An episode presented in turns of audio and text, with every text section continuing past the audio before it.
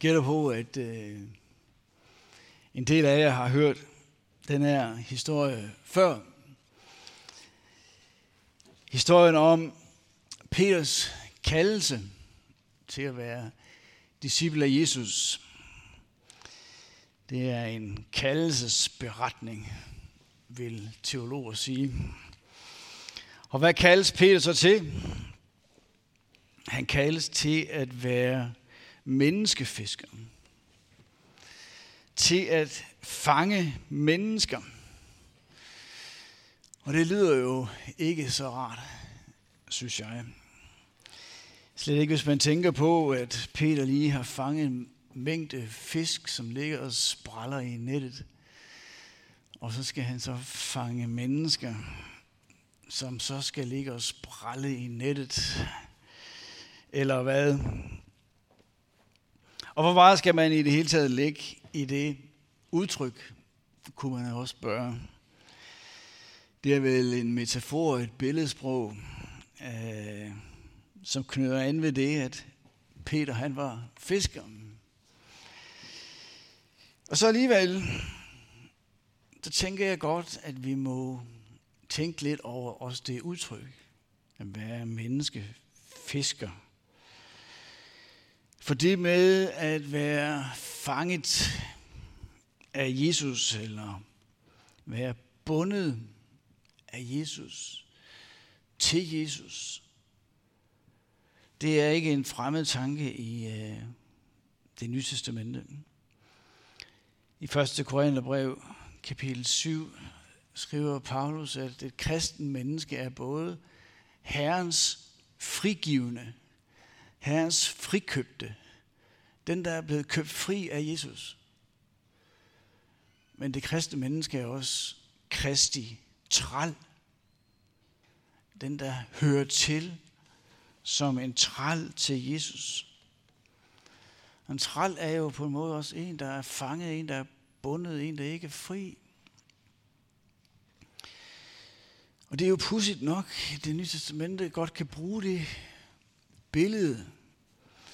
At man kan være kristi frigivende, frikøbte, men også kristi træl.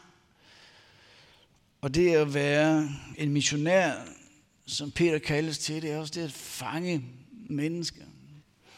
At mennesker skal blive fanget af Jesus.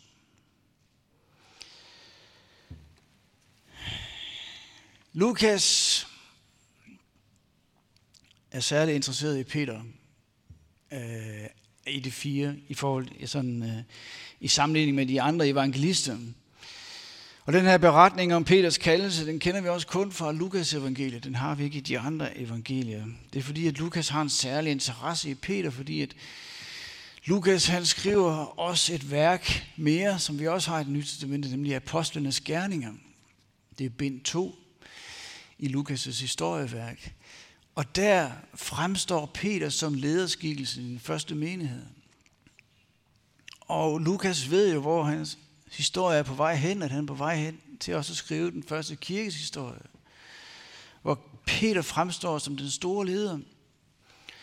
Derfor så har han også noget særligt at sige om Peter i den første historie. Den historie, som mest handler om Jesus, nemlig Lukas evangeliet. Lukas' beskrivelse af Peters kaldelse er derfor for os vigtig for Lukas.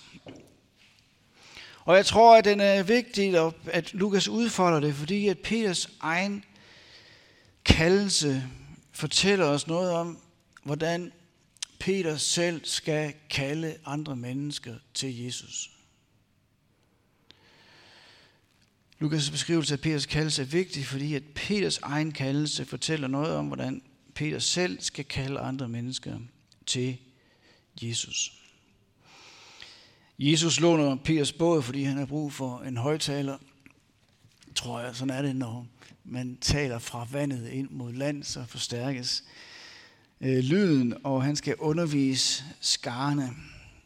Men han vil også noget med Peter. Vi hører ikke så meget om, hvad Jesus han siger, men vi hører noget om, hvad der sker mellem Jesus og Peter. Og Jesus han sætter Peter til at fiske igen, selvom de ikke kan fange noget hele natten. Og så fanger de overdrevet mange fisk, så de er lige ved at synke. Og så sker der det, at Peter han bliver redselslagen. Han bliver slået af redsel. Det vil sige, at redselen den overvinder ham, overmander ham. Og hvorfor gør Peter det? Hvorfor bliver Peter redselslagen? Jeg tror ikke, det er, fordi han var bange for, at de druknede. Jeg tror, det er fordi, at han intuitivt, instinktivt forstår, at han står over for Guds hellige søn. Han står over for ham, som er så nært forbundet med den hellige, at han selv er den hellige. Den, der er så nært forbundet med Gud, at han selv er Gud. Han står over for ham, som ved alt, og som kender alt, og som har al magt i himlen og på jorden. Da jeg ligesom øh, forberedte mig, så kom jeg selv til at tænke på et, øh, et meget mindre eksempel øh, på noget lignende måske fra mit eget liv. Ikke øh, så fromt, men øh, en parallel måske på en måde. Jeg har selv skulle prøve at, at fremlægge noget, som jeg har skrevet om noget i, i det nye testamente, for nogle professorer, som var langt mere inde i det, som jeg skrev om, end, det jeg selv, end jeg selv var. Og øh, det synes jeg var angstprovokerende. Fordi at, øh, jeg vidste, at nu vil du blive afsløret, Claus. Det, som du ikke har helt styr på, det, det ser de. Fordi det gør de bare. Og der er ikke nogen steder, du kan løbe hen. Du kan ikke fake den. Altså, du vil... Øh, det vil blive tydeligt. Fordi der er nogen her, der ser det. Der er ingen mulighed for at skjule sig. Og jeg tror, at Peter på en måde har haft det lidt på samme måde, da han stod over for Jesus. Nu er der ingen mulighed for at skjule mig mere. Nu står jeg over for ham, som ved alt, som kender alt. Jeg sidder oven i købet i en båd, så jeg kan ikke engang løbe. står jeg over for ham. Og i mødet med den Gud, som ved alt og som kender alt, og som hader al uretfærdighed, hvad skulle man så andet end blive redselslagen? Hvis man er et almindeligt menneske. Med et almindeligt menneskes historie. Så Peter han siger også, gå bort fra mig, Herre, for jeg er en syndig mand. Det er det måde, som Peter han reagerer på. Gå bort fra mig, Herre, for jeg er en syndig mand. Du og jeg, vi hører ikke til i den samme båd. Det er bedst, vi går hver for sig. Jeg er en syndig mand. Du er Guds hellige. Og så siger Jesus til ham, frygt ikke. Det er fuldstændig passende, det som, Jesus, eller som Peter siger. Det er fuldstændig passende. Gå bort fra mig, Herre, for jeg er en syndig mand. Men Jesus han siger så, vær ikke bange. Vær ikke bange. Du skal ikke være bange for mig.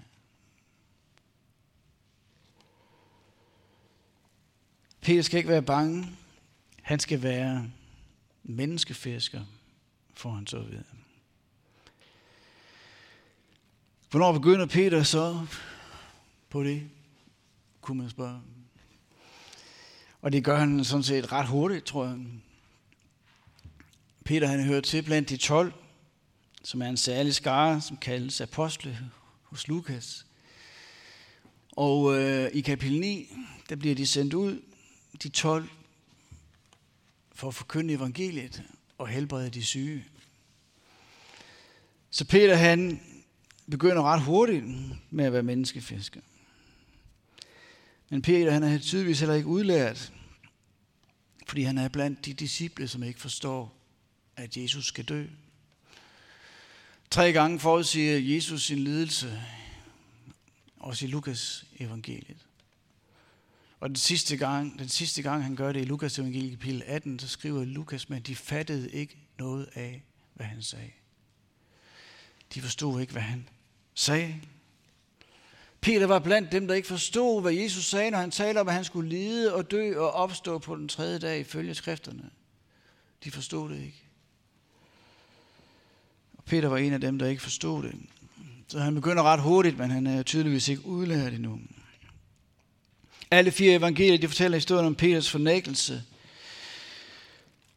Men Lukas er særligt interesseret i Peter, så Lukas har også noget særligt at sige, som de andre ikke har at sige om Peters fornægtelse.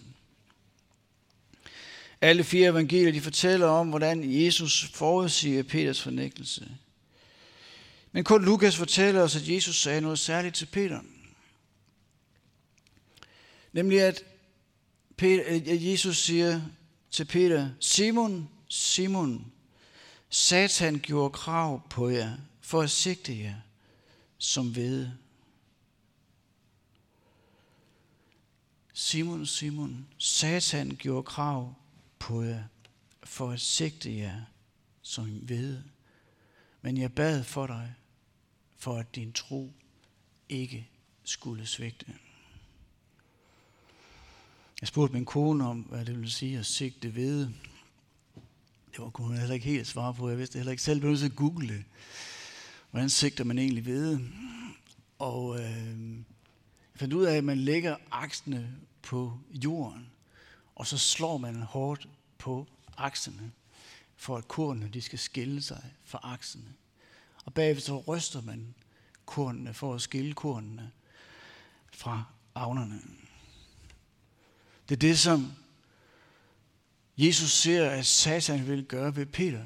Han vil sigte Peter som ved. Han vil slå hårdt på ham og ryste ham, så hans tro svigter. Simon, Simon, Satan gjorde krav på dig. Han vil sigte dig som ved, slå dig og ryste dig.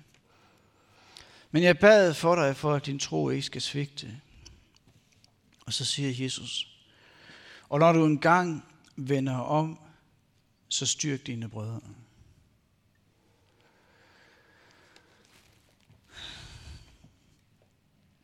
Peter han forstår ikke, hvad Jesus han siger. Når jeg engang vender om, Satan, hvad snakker du om? Herre, sammen med dig går jeg gerne i fængsel og i døden, siger Peter.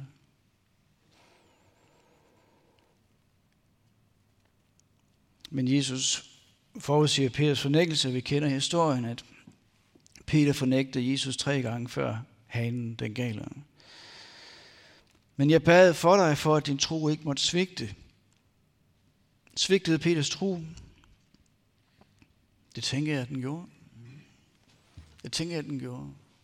Han fornægtede jo Jesus. Men Jesus sagde også, men når du engang omvender dig, så styrk dine brødre. Hvornår omvendte Peter sig? Vi ved det ikke. Lukas fortæller os, at han græd bitterligt, da han hørte hanen gale. Der græd han bitterligt. Lukas fortæller os også, at Peter havde et særligt møde med Jesus efter opstandelsen. De andre disciple kan fortælle Emmaus-vandrene, at Jesus var blevet set af Simon. Måske har de talt sammen der. Hvad ved jeg? Men Jesus siger i hvert fald, når du engang vender om, så styrk dine brødre. Og hvilken historie har Peter så haft mund, da han engang var vendt om? Hvilken historie har Peter haft at fortælle om Jesus? Han har haft en historie at fortælle om, at Jesus sagde til ham, at han ikke skulle være bange. Selvom han var en syndig mand og stod over for Guds hellige, så behøvede han ikke at være bange. Han havde en historie om, at Jesus han bad for ham, om at hans tro ikke skulle svigte. Og han havde en historie om at fortælle om, at Jesus han sagde, at han skulle få lov til at vende tilbage igen. Han skulle få lov til at vende om, efter at han havde svigtet Jesus. Måske Peter kunne have sagt, kan I forstå, hvorfor jeg elsker Jesus? Kan I forstå, hvorfor jeg elsker Jesus? Da Jesus forudsiger Peters fornægtelse, så siger Jesus Peter til ham, jeg kommer ikke til at fornægte dig, jeg er parat til at gå i døden for dig. Det var han så ikke. Men Johannes evangelie fortæller om, at til sidst siger Jesus til Peter, at han skal slutte sit liv med at give sit liv for Jesus. Peters liv skal ende med, at han går i døden for Jesus. Der er sket noget med Jesus, eller med Peter. Der er sket noget med Peter. Han er blevet mødt af Jesus, og det har forandret hans liv. Når du engang vender om, så styrk dine brødre, sagde Jesus. Omvendelse kan man beskrive på to måder. To måder, som begge er rigtige, og som komplementerer hinanden. Men omvendelse er et udtryk for, at et menneske vender sig fra at leve på en måde til at leve på en ny måde. Omvendelse er også forbundet med en ny måde at leve sit liv på. Zacchaeus fra Lukas evangeliet er det store eksempel på det. Ham, som havde taget for meget i 12, men som nu gav det firedobbelt igen. Men det at omvendelse, at omvende sig, det er også at blive vendt om af Gud. Samtidig. Det er to måder at beskrive det samme på, to måder, som er rigtige. Det er at vende sig fra at leve på en måde til at leve på en ny måde, men det er også at blive vendt om af Gud til Gud. Det er at blive mødt af Gud. Det er at møde Gud på en måde, så at man bliver draget hen til Gud selv. Det er at blive mødt af Gud på en måde, så man bliver draget ind i Guds favn. På en måde, hvor mennesket helt frivilligt, uden tvang, vender sig mod Gud og går ind til Guds favn. Helt frivilligt. Fordi at det menneske trænger til Gud. Fordi det menneske ser, at det har brug for Gud. Fordi det menneske fornemmer, at hos Gud eller hos Jesus, der er det godt at være. Så når mennesket bliver draget hen til Gud, så er det dybest set Gud selv, der drager det menneske.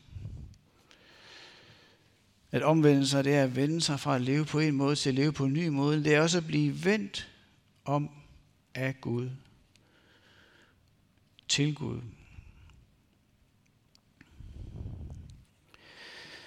Jeg tror, Peter har oplevet det på den måde, at han har vendt sig fra at leve på en måde til at leve på en anden måde. Og at han har gjort det, fordi han er blevet draget af Jesus. Fordi han har set, at hos Jesus der er det godt at være. Og på den måde så kan man sige, at Jesus er blevet fanget af Jesus. Han er blevet grebet af Jesus. Når man er grebet af noget, så er man optaget af noget.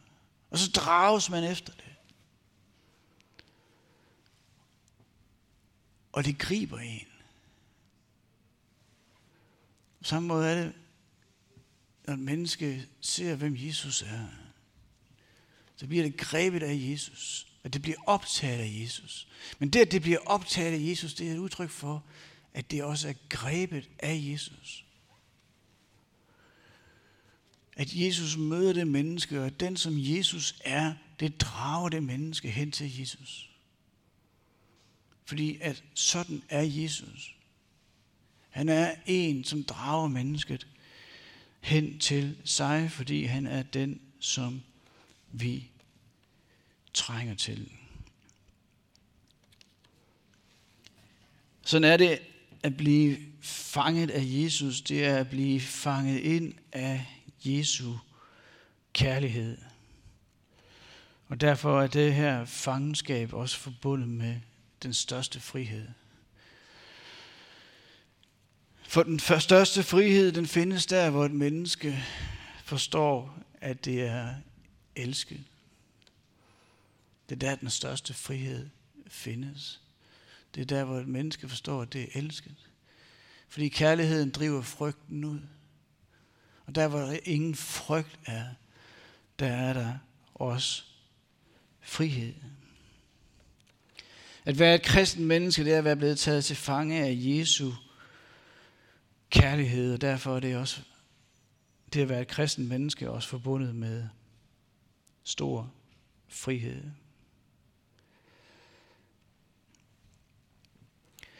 Gå bort fra mig, for jeg er en syndig mand, sagde Peter. Men det tror jeg, Peter holdt op med at sige. Peter lærte, at det var ikke det, han skulle sige. Peter lærte, at han skulle ikke sige, gå bort fra mig her, for jeg er en syndig mand. Peter han lærte, at han kunne få lov til at gå hen til Jesus, fordi han var en syndig mand. Fordi han trængte til Jesus. Fordi Jesus ville omslutte ham med sin kærlighed, sin omsorg, sin varme, sin tilgivelse, sin opstandelseskraft. Alt det, som Jesus er. Jesus, nu kommer jeg til dig, for jeg er en syndig mand. Måske sluttede Peter af med at sige det. Frygt ikke, du skal være menneske fisker. Du skal lære mennesker, hvad det vil sige at være fanget af Jesu kærligheds magt. Og at der er livet, og der er friheden. Amen.